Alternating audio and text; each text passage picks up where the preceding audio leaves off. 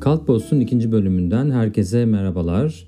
Bugün 11 Nisan 2023. Geçtiğimiz hafta Netflix'te yayınlanan Ah Belinda filmini yorumlayacağım. 1980'lerden 2020'lere Türkiye'nin kültürel iklimini ele alacağım. Geçtiğimiz hafta Biz Kimden Kaçıyorduk anne dizisiyle bu podcast'in ilk bölümünü yayınlamıştım.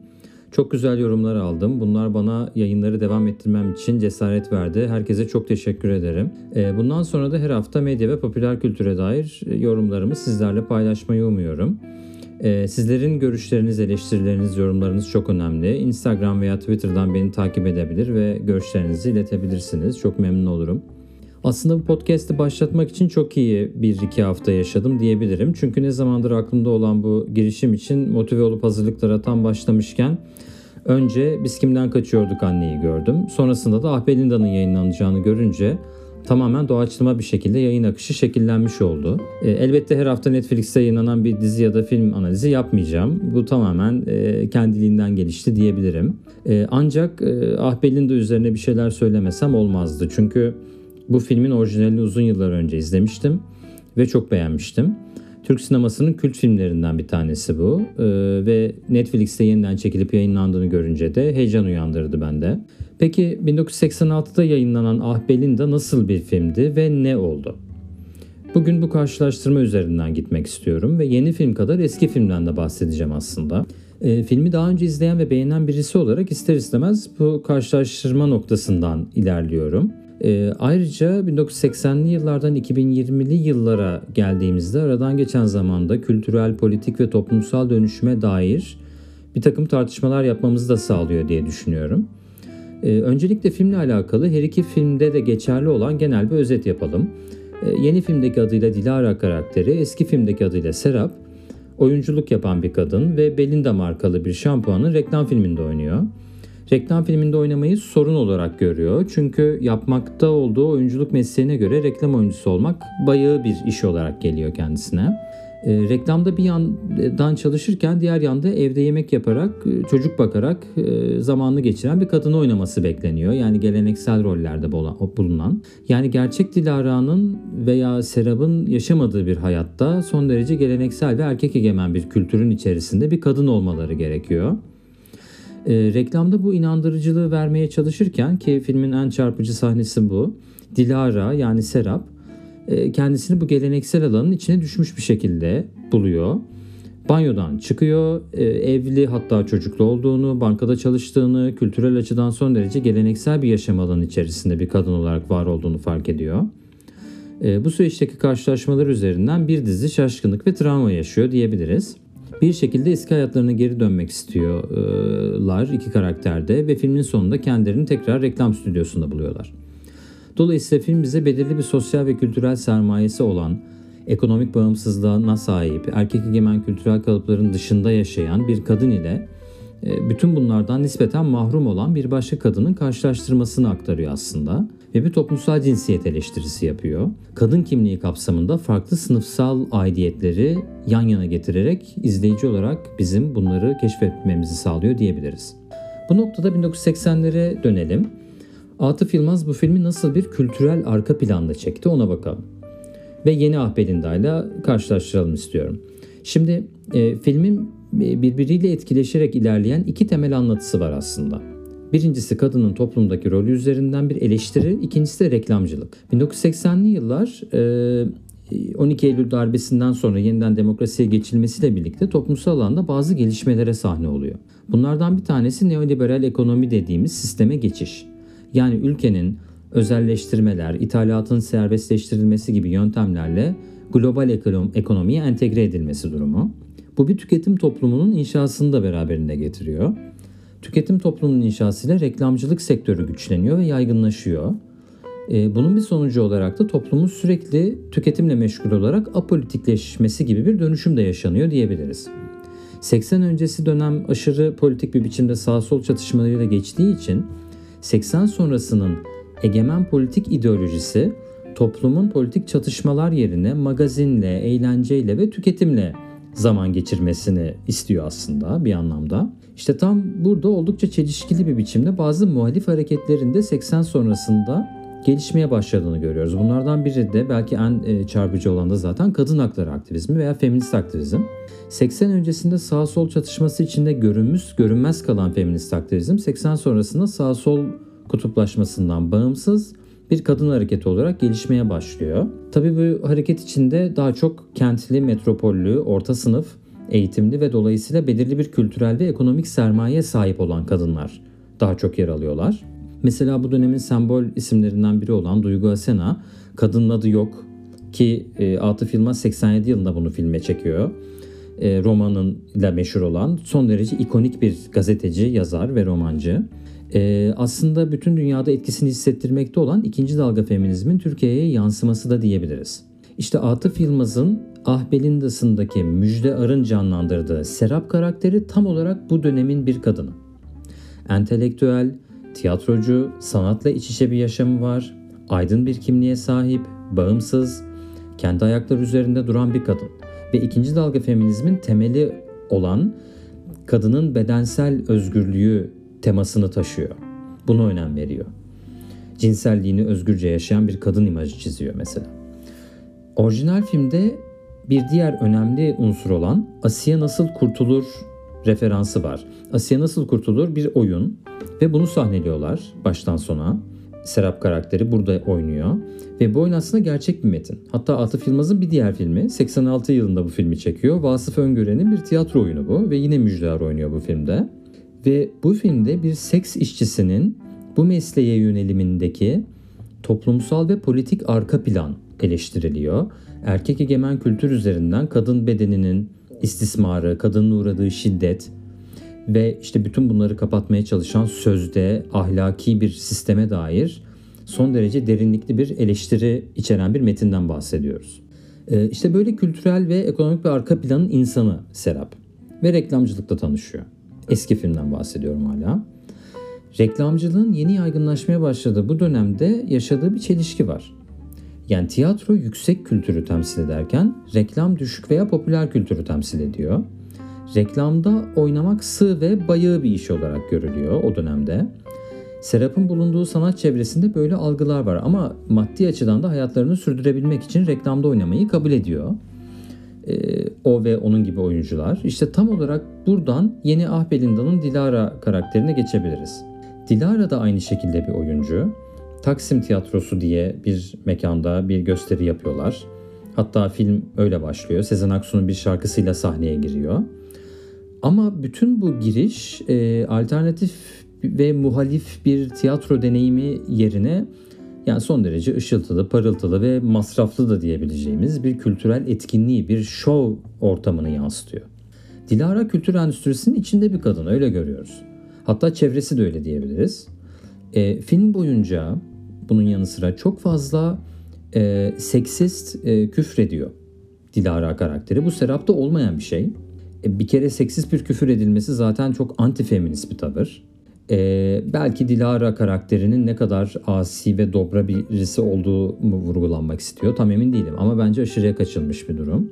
E, Serap Naciye'ye dönüşürken ilk filmde Dilara Handan'a dönüşüyor. Bu noktadan itibaren Naciye ve Handan'ı da konuşmak gerekiyor. Çünkü her ikisi de kendi dönemlerine göre geleneksel toplumsal cinsiyet normlarına maruz kalsalar da Handan daha tırnak içinde suçlu bir karakter ya da daha az masum bir karakter. Çalıştığı bankanın müdürü ve aynı zamanda enişte rolündeki erkekle bir ilişkisi var. Gizli bir ilişki bu. E, hatta bankadan para sızdırıp kaçırıp e, e, kaybolma, kaçma gibi bir takım planları olduğunu anlıyoruz enişte karakteriyle birlikte.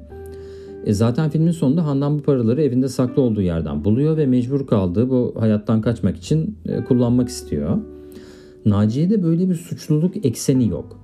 Yani Naciye ve Handan arasındaki bu majör fark şunu gösteriyor olabilir. Naciye reklamın stereotipik olarak inşa ettiği ve topluma dayatmak istediği ideal bir kadın modeliydi. Handan'ın suçluluğu üzerindense aslında reklamda yansıtılan kadının gerçek hayatta ideal olmadığı ortaya konmuş diyebiliriz. Yani eski anlatı ve yeni anlatı arasında böyle bir farklılık var. Bu şekilde yorumlanabilir diye düşünüyorum. Orijinal filmde Handan karakteri komşusu Feride ile özellikle akşam saatlerinde oyun provalarına giderken kendisine yardımcı olması için yakın bir dayanışmaya giriyor. Bir kadın dayanışması motifi var. Yeni dizide e, Feride karakteri oldukça geri planda. E, neredeyse hiçbir etkisi yok diyebiliriz. Orijinal filmdeki Asiye nasıl kurtulur referansı yeni filmde yer almıyor. Yeni filmde aynı girişte gördüğümüz türden bir gösteriye hazırlandıklarını görüyoruz ve burada çok politik bir arka plan yok. Ve Handan burada kendisine bir rol edinmeye çalışıyor zaten. İçine girdiği reklam reklam aracılığıyla içine girdiği yeni dünyada. E, Asiye Nasıl Kurtulur'un anlatıdan kayboluşu filmin politik ve kültürel açılardan eleştirel arka planının da kaybolmasına neden oluyor aslında. E, elbette bugün böyle bir oyun olmayabilir. E, oynanmış, sahnelenmiyor olabilir. Ancak onun yerine eleştirel bir içeriği olan bir gösteri, şov veya başka bir şey tercih edilebilirdi. E, ama edilmemiş. Diğer yandan orijinal filmde olan ve yenisinde olmayan bir diğer konu da ekonomik arka plan. Mesela film boyunca Naciye'nin eşi e, sürekli gereksiz yanan ışıkları kapatıyor eski filmde. E, tutumlu olmaya çalışıyor filan. Hatta 1980'li yılların geleneksel ailelerinde yer alan o kadınların iş gücüne katılımı da aslında ailenin yaşadığı ekonomik sorunlarla ilgili. Çünkü kadın çalışarak ev ekonomisine katkı yapmak zorunda kalıyor. Bu bir yandan iyi oluyor tabii kadınların iş gücüne katılım açısından ama esas motif hani kadını iş gücüne katmaktan çok aile ekonomisinin dönmesi.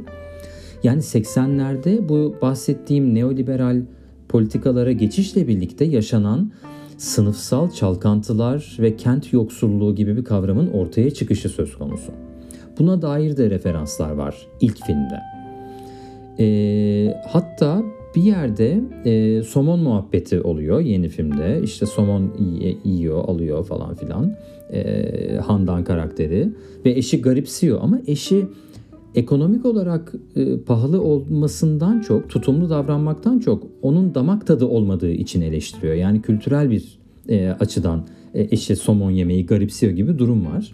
E, bir başka sahnede yine temizliğe birinin gelmesini söylemesi var Handan'ın ama günümüzde baktığımız zaman e, çok ciddi bir temizlik hizmeti sektörü olduğunu görüyoruz. Yani bugün bankada çalıştığını varsayacağımız orta sınıf şehirli kadın e, yaygın bir biçimde evine temizlik hizmeti alıyor zaten. Yani o zamanın bankada çalışan orta sınıf kadınıyla bugünün bankada çalışan orta sınıf kadını aslında aynı değil. Farklı sorunları var, farklı e, mağduriyetleri var e, ama bunlar aynılaşıyor. Sonuç olarak filmin eleştirel arka planından ciddi bir kayıp söz konusu oluyor günümüze özgü ek- ekonomik ya da toplumsal sorunlara dair bir anlatıya yeterince dönüşmüyor diye gözlemliyorum. 1980'lerin bahsettiğim kültürel ve ekonomik arka planında özgün bir yerde duran Serap, 2020'lerde Dilara'ya dönüşürken kaybolan önemli bir eleştirellik söz konusu orada. E, oysa bugünün kadın hakları tartışmaları doğrultusunda şekillenen e, feminist kadın kimlikleri de söz konusu. Sanat alanında da böyle kadınlar var hikaye günümüze adapte edilirken bu tür alternatif temsil ihtimalleri düşünülebilirdi belki. Kaldı ki şöyle bir detaydan da bahsetmek mümkün. Ee, orijinal filmde Serap fil, filmin sonunda tamamen Naciye'yi içselleştirip kanıksadığı anda reklam setine geri dönüyor. Yani reklamda inandırıcılığı sağlıyor, toplumun kadına empoze ettiği cinsiyet rolünü kabullendiği ana tanıklık ediyoruz. Dilara ise bir kabulleniş gösteriyor ama sonrasında yer almak istediği gösterinin bir parçası olamadığını anlayınca elindeki paraları işte Taksim Tiyatrosu'nun çatısından falan saçarak ve dans ederek bir isyan gerçekleştiriyor. Anlatı burada sonlanıyor. Yani Serap kadar rolün içine girmiyor ve daha asi bir karakter olmayı sürdürüyor diyebiliriz Dilara için. Yeni filmin e, tartışmamızı sağladığı bir diğer konu da reklamcılıkla ilgili. Ee, az önce de bahsettiğim gibi 80'li yıllar reklamcılık sektörünün genişlemeye başladığı bir dönem. Bu dönemde e, televizyonun ve reklamın yaygınlaşmasıyla reklamın toplumsal cinsiyet stereotipleri üretmesi ve bunları kitlelere aktarması da kaçınılmaz oluyor. Filmde tam bu noktada reklamın ideolojik işlevini ele alıyor aslında orijinal film. Ama e, günümüze geldiğimizde 80'lerin reklam ortamından bahsetmemiz mümkün değil. Kültürel olarak da teknik olarak da. Tamam halen daha reklamda cinsiyetçi kalıplar üretiliyor ama femvertising dediğimiz mesela feminist reklamcılık diye bir akım da var. Feminizm ana akımlaşıyor bir bağlamda. Hala çok büyük eksikler, sorunlar var tabii ama kadın erkek eşitliğine yönelik anlatılar reklamlarda daha sık konu ediliyor. Ve bugün kitleleri etkileyen ve şekillendiren reklamlar o klasik belinde şampuan reklamı gibi televizyon reklamları değil. Daha çok influencerlar hatta mesela çok daha spesifik olarak kadınlık rolünü inşa eden instamamlar var. Annelik deneyimini Instagram'da paylaşan ve bunun üzerinden ürün tanıtımı yapan, reklam yapan ve gelir elde eden kadınlar var. Kitleler artık bunları takip ediyorlar. Ve kadınların bu karakterlere dönüşmesi bekleniyor endüstri tarafından aslında. Dolayısıyla 1980'lerin reklamcılık ortamını aynen bugün aktarmak yerine 2020'lerin güncel reklam trendleri doğrultusunda bir anlatının kurgulanması daha etkili olabilirdi. E, reklam 2020'lere adapte edilemediği için aslında Dilara da tam oturmuyor. Çünkü günümüzde oyuncular kültür sektörünün içerisinde daha yaygın biçimlerde var olabiliyorlar. Ve Serap'ın reklam olgusuna yabancılaştığı kadar reklama aslında yabancılaşmıyorlar. Sonuç olarak filmin 1980'lerden e, günümüze aktarımında bazı kısıtlılıklar söz konusu. E, bu bir yandan anlaşılır bir durum. Çünkü Atıf Yılmaz gibi bir yönetmen ve Barış Pirasan gibi bir senaristten bahsediyoruz. Onların elinden çıkmış kült bir film. Dolayısıyla bu filmin günümüzde yeniden çekilmesi oldukça zor ve iddialı bir iş. Kaldı ki e, az önce detaylıca değinmeye çalıştığım kültürel arka planın yanı sıra bir de şöyle bir gerçek var. O da Ah Belinda'nın Atıf Yılmaz'ın 80'lerde çektiği diğer kadın anlatılarıyla birlikte değerlendirilmesi gerektiği bence. Asiye nasıl kurtulur? Adı Vasfiye, Kadının adı yok ve hatta 92 yılında çekilen ve birbirini seven iki kadın hikayesini anlattığı Düş Gezginleri gibi filmlerin sadece bir durağı Ah Belinda. Ee, ben filmi izlerken keyif aldım mı? Evet aldım. Çünkü orijinal filmi beğenen birisi olarak hani bu anlatının yeniden gündemimize gelmesi ve e, aradan geçen bunca zamanın ardından dikkat çekilmesi, özellikle yeni nesil izleyiciler için bilinir olması e, bana e, iyi hissettirdi bir nebze. Ama tabii izlerken bir yandan da bu aktarmış olduğum eksi tarafları da ayrıca düşündürttü. Her film kendi kültürel, ekonomik ve politik koşullarının bir dışa vurumudur. Dolayısıyla 2020'lerin Türkiye'sinin ahbelindası nasıl yapılır? Bence hala ucu açık duran ve oldukça geniş bir tartışma gerektiren bir alan bu. Bugünlük bu kadar. Zaman ayırıp dinlediğiniz için çok teşekkürler. Haftaya yeni bir yayında görüşmek üzere. Herkese sevgiler.